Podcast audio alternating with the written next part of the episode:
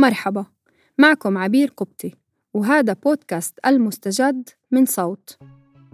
اغسلوا أيديكم بانتظام السعال والعطس في الكوع لا تلمسوا وجهكم.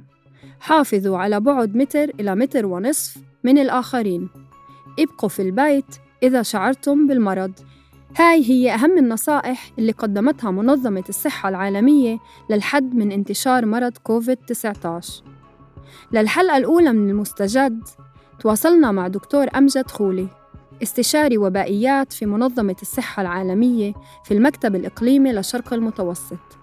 لما حكيت معه تلفون يوم الثلاثاء كان عدد المصابين بفيروس كوفيد-19 المعروف بكورونا 185 ألف. اليوم وأثناء تسجيل هاي الحلقة العدد صار أكثر من 222 ألف. وبينما سجلت الصين صفر حالات إصابة جديدة يوم الأربعاء ونجحت كوريا الجنوبية في الحد من سرعة انتشار الفيروس. لا زال عدد من دول العالم على رأسها إيران وإيطاليا تشهد ارتفاع حاد بعدد المصابين بشكل يومي. في إيطاليا وفي يوم الأربعاء لوحده توفى 475 شخص جراء إصابتهم بالكورونا. على المستوى العربي أكثر الدول اللي انتشر فيها الفيروس هي قطر تليها البحرين والسعودية. وفي أربع بلدان عربية لم يتم تسجيل أي حالة إصابة فيها وهي سوريا، ليبيا، اليمن وجيبوتي. نأمل أن يبقى الوضع كذلك. بشكل عام لا يزال الانتشار محدود في الدول العربية. مقارنة بأوروبا مثلاً. ورح نحكي حول هذا الموضوع أيضاً مع دكتور أمجد. اتخذت الحكومات العربية إجراءات لتحاول تمنع انتشار الفيروس ففرض بعضها حظر السفر بمطاراتها ومعابرها وتعليق الرحلات الجوية منها الإمارات والأردن والسعودية وتونس ومصر واليمن. والعديد من الدول قررت تعطيل الدوام في المدارس والجامعات أو عمل الموظفين عن بعد. وشفنا إجراءات وصلت لحظر التجول ببغداد لمدة أسبوع. وإغلاق محافظات كاملة ليصير التنقل بينها فقط للضرورة مثل ما صار بالأردن.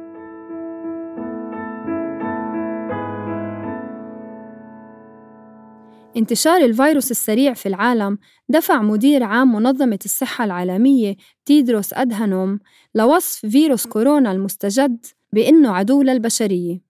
وقال في مؤتمر صحفي يوم الأربعاء إنه هذا الفيروس يمثل تهديداً غير مسبوق ولكنه يمنح أيضاً فرصة غير مسبوقة لكي نحتشد ضد عدو مشترك عدو للبشرية We have therefore made the assessment that COVID-19 can be characterized as a pandemic. منظمة الصحة العالمية كانت قد أعلنت قبل حوالي أسبوع إنه كورونا المستجد أصبح رسمياً وباء عالمي جائحة. دكتور أمجد استشاري وبائيات من منظمة الصحة العالمية بيحكي لنا أكثر شو معنى هذا الإعلان. إيه، حابب أوضح إنه مؤخرا منظمة الصحة العالمية أعلنت مرض كوفيد 19 كجائحة أو كوباء عالمي. ده معناه إنه إيه، جميع سكان الكره الأرضية جميع البشر على مستوى العالم هم معرضين بشكل أو بآخر. ولذا آه، لابد من إن تتضافر جميع الجهود على سواء على مستوى الحكومات أو على المستوى الشعبي وكذلك منظمات المجتمع المدني والجهات الغير حكومية آه، لابد إن يعمل الجميع كمجتمع واحد آه، لمجابهه انتشار هذا المرض وانتشار الفيروس داخل أراضي كل دولة. الرسالة المهمة الحديثة بإعلان جائحة هو إنه جميع الناس لديهم دور كل شخص في مكانه لديه دور في أسرته وفي مكان عمله وفي حيه وفي شارعه وفي بلده لحماية المجتمع كله من انتشار أوسع للفيروس. منظمة الصحة العالمية هي السلطة اللي بتوجه مجال الصحة العامة في إطار الأمم المتحدة والمكتب الإقليمي للمنظمة لشرق المتوسط بيقدم خدماته ل 22 دولة غالبيتها دول عربية فسألنا دكتور أمجد عن وضع العالم العربي بشكل خاص طيب دكتور كيف بتقيم الوضع في العالم العربي؟ العالم العربي طبعا في اختلاف في الإمكانيات من دولة إلى أخرى لكن حابب أقوله إن كل الدول العربية بلا استثناء حدثت كثيرا جدا أنظمتها سواء في الترصد والاكتشاف القدرات المخبرية لتأكيد كل حالة أصبحت متوفرة في كل دولة تقريبا على مستوى الشرق المتوسط والتي بتضم الدول العربية. كذلك عند نقاط الدخول حتى الإجراءات المستحدثة الجديدة في منع السفر كل هذه الإجراءات تهمت إلى حد ما في منع انتشار المرض حتى الآن نأمل أن تستمر هذه الجهود ويعاونها جهود على المستوى الشعبي لمنع الانتشار حتى الآن. في معظم الدول العربية في حالات بتبلغ لكن ما زال الانتشار المجتمعي المحلي ما زال محدود جدا ونأمل أن يستمر هذا الوضع على ما هو عليه إلى أن يختفي تماما مرض الكوفيد. رغم إنه الانتشار ما زال محدود في الدول العربية والأعداد قليلة مقارنة بدول مثل إيطاليا، كثير منا عم يتساءلوا إذا عدد الإصابات بالمنطقة العربية اللي منعرفه دقيق ولا هو بالحقيقة أكثر من ما بنعرف. حتى منظمة الصحة العالمية دعت الحكومات في منطقتنا لتأمين معلومات كافية عن الحالات المصابة بفيروس كورونا المستجد. المدير الإقليمي للمنظمة في دول شرق المتوسط أحمد المنظري أكد على هاي النقطة. قال يوم الأربعاء في مؤتمر صحفي عبر الإنترنت للأسف لن نتمكن من المكافحة إذا لم يكن لدينا المعلومات الكافية.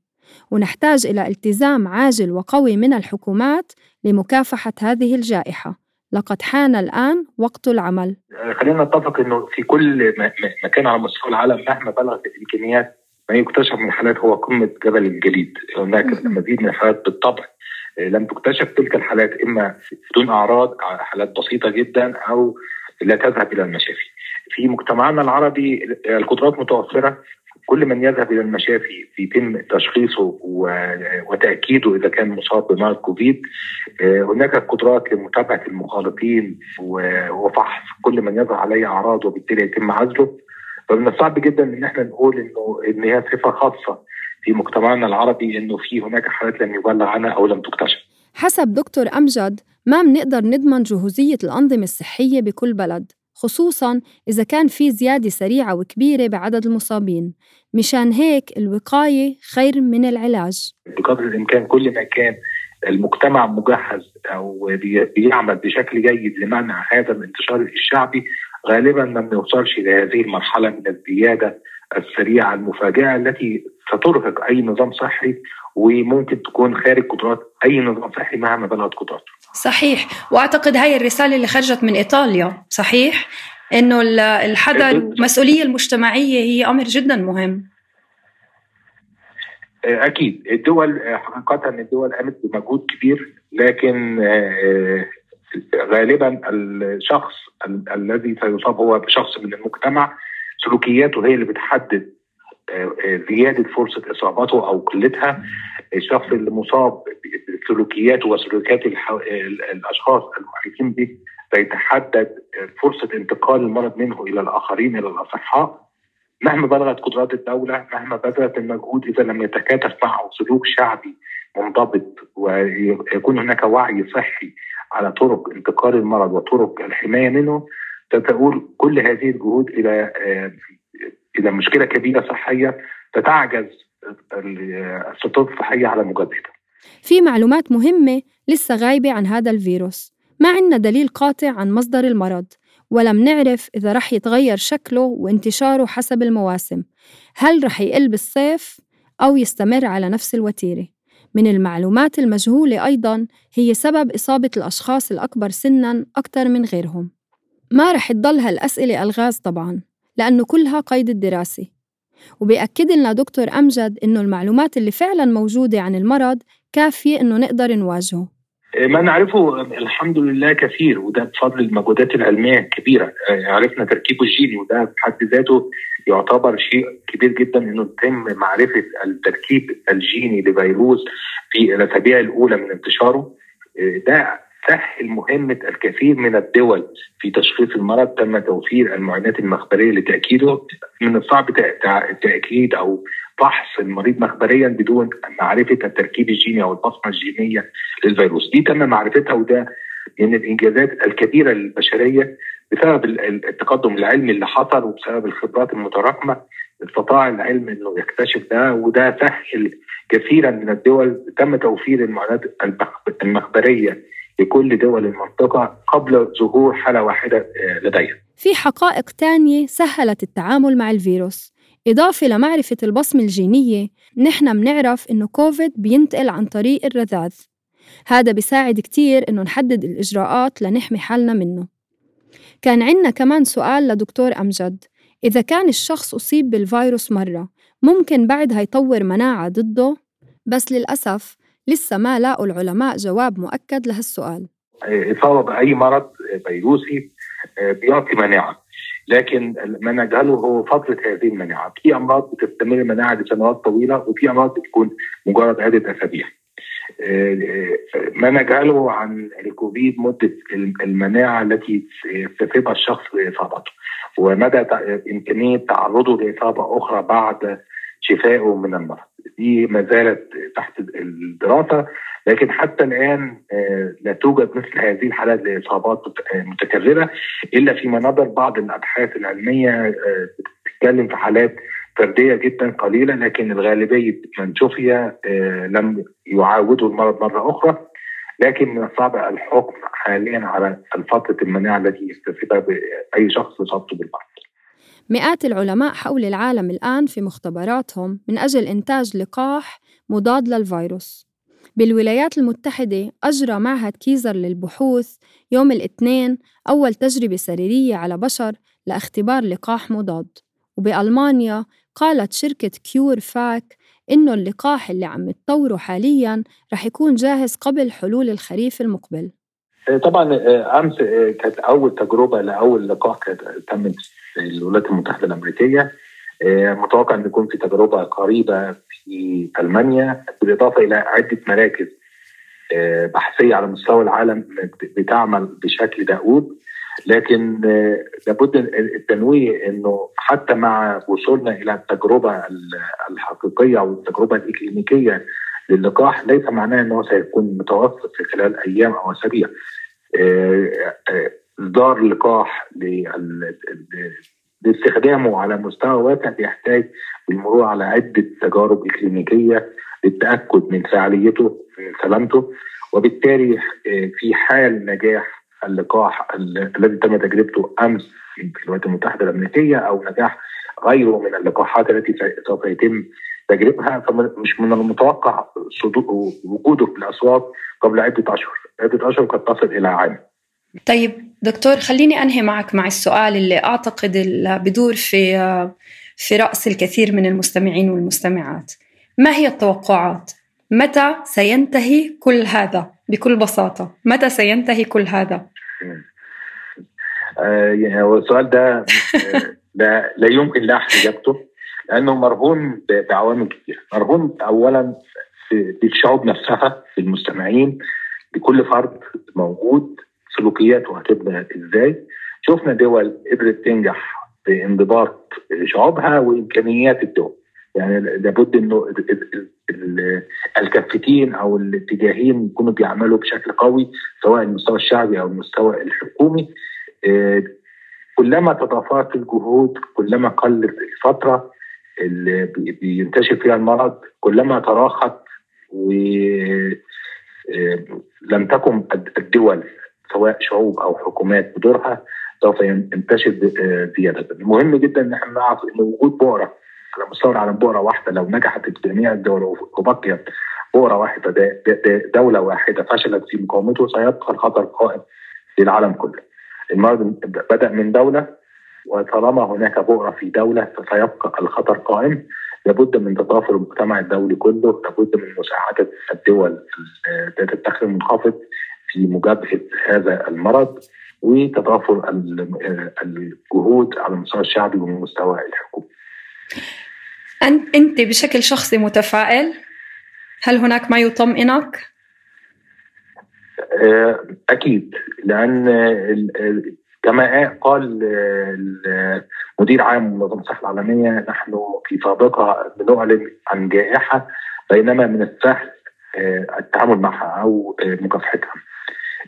حاليا إحنا أمام فيروس ينتشر بسهولة ما بين الدول ولكن في تجارب أثبتت نجاحها سواء الصين أو كوريا الجنوبية دول أخرى ما زالت قادرة على منع الانتشار الشعبي وده معظم دول العالم حتى الآن بمجهودات قوية ولكن تحتاج الاستمراريه فيها وبالتالي وارد جدا إنه الموضوع ينتهي إذا استمرت نفس هذه الجهود. حتى الآن كانت أعلى نسبة وفيات من الفيروس للأشخاص الأكبر سنا وتحديدا فوق ال 70 سنة، فكيف بنقدر نعتني بأحبتنا وأهلنا ونحميهم في هاي الحالة؟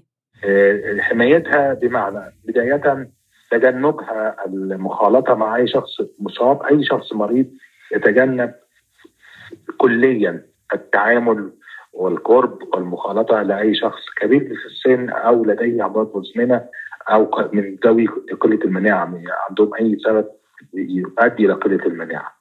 يكون في شخص بيخدمهم والشخص ده ينطبق عليه نفس التحذيرات إنه ما يخالطش شخص آخر يبقى صحيحا بقدر الإمكان لتقديم الخدمة الطبية اللازمة لهم وخاصة كبار السن تجنب التجمعات البشرية والازدحام بقدر الإمكان التهوية بالإضافة إلى القواعد الأساسية اللي بتحمي البشر جميعا الأكل الجيد خاصة الخضروات الطازجة النوم الجيد بقدر الإمكان قلة الضغوط النفسية.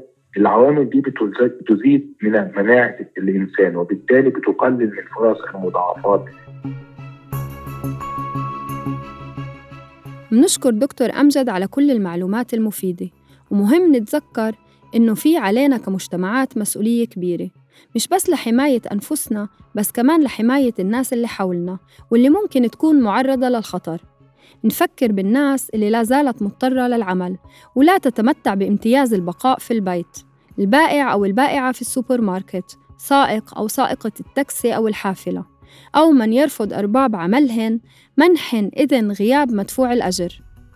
هؤلاء في دائرة الخطر وواجبنا نحمي أنفسنا ونحميهم من العدوى.